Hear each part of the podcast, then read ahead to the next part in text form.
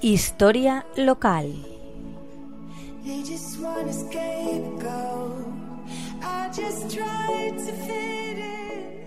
Buenas tardes, amigos de la Tegua Radio.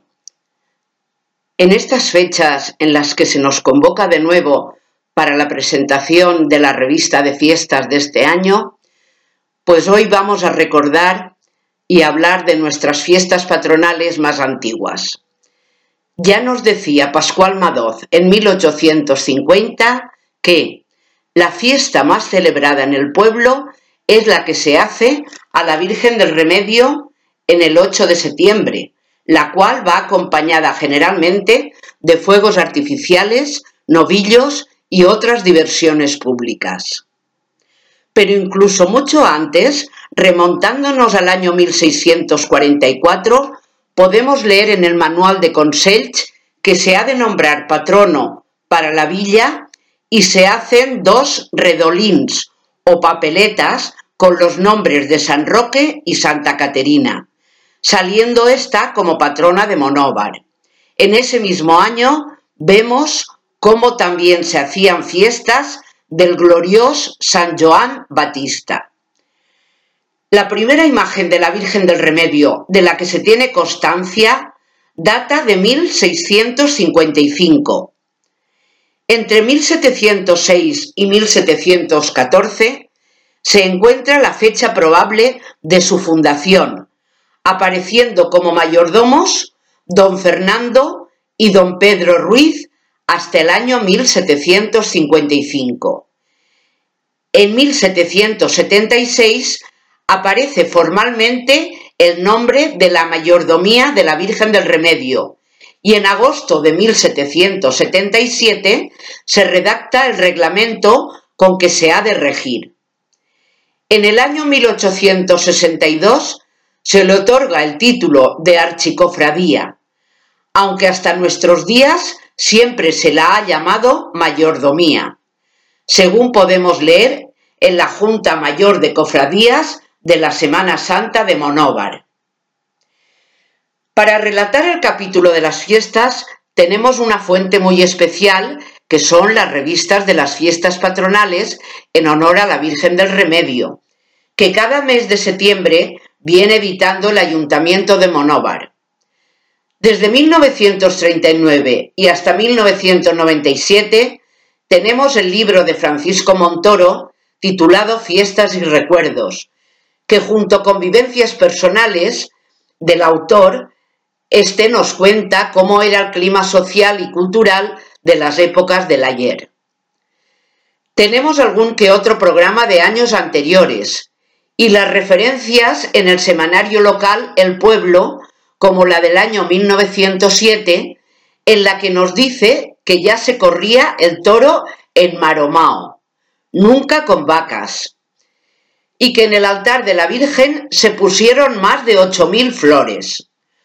Por primera vez aparecen en un programa los gigantes y cabezudos, que se llaman Don Quijote, Don Quijote y Doña Violante.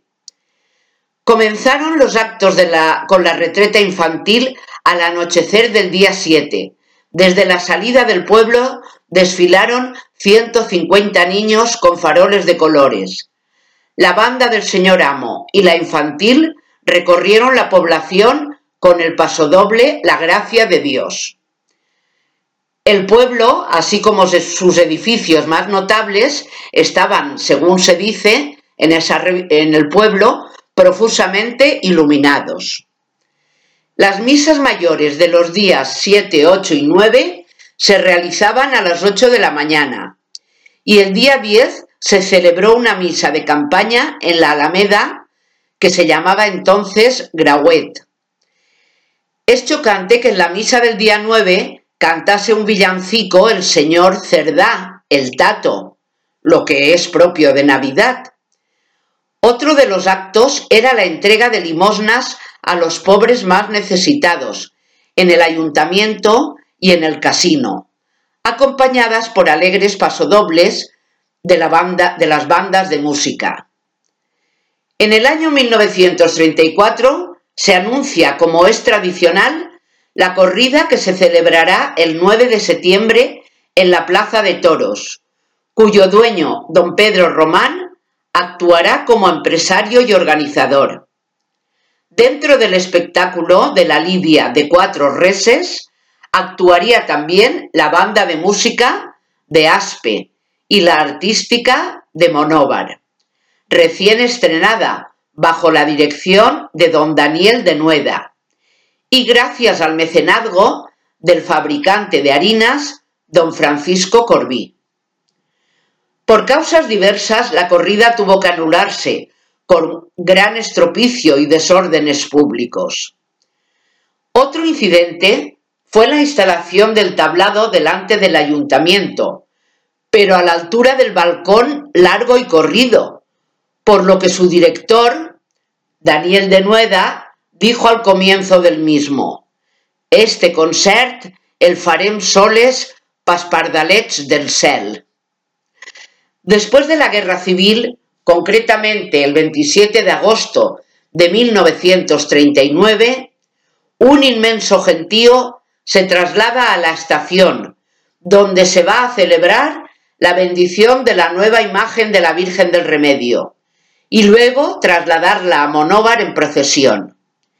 En dicha ceremonia se estrenó el himno de la Virgen con letra de Remedios Picó, la poetisa, y música de Virginia Pastor.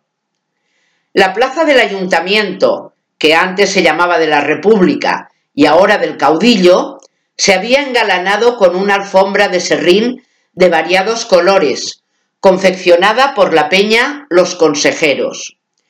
Allí también intervino Remedios la poetisa, recitando una composición poética titulada Vibraciones Espirituales. Pues hasta la semana que viene, amigos de la Tegua Radio, que seguiremos hablando de nuestras fiestas patronales. Un cordial saludo.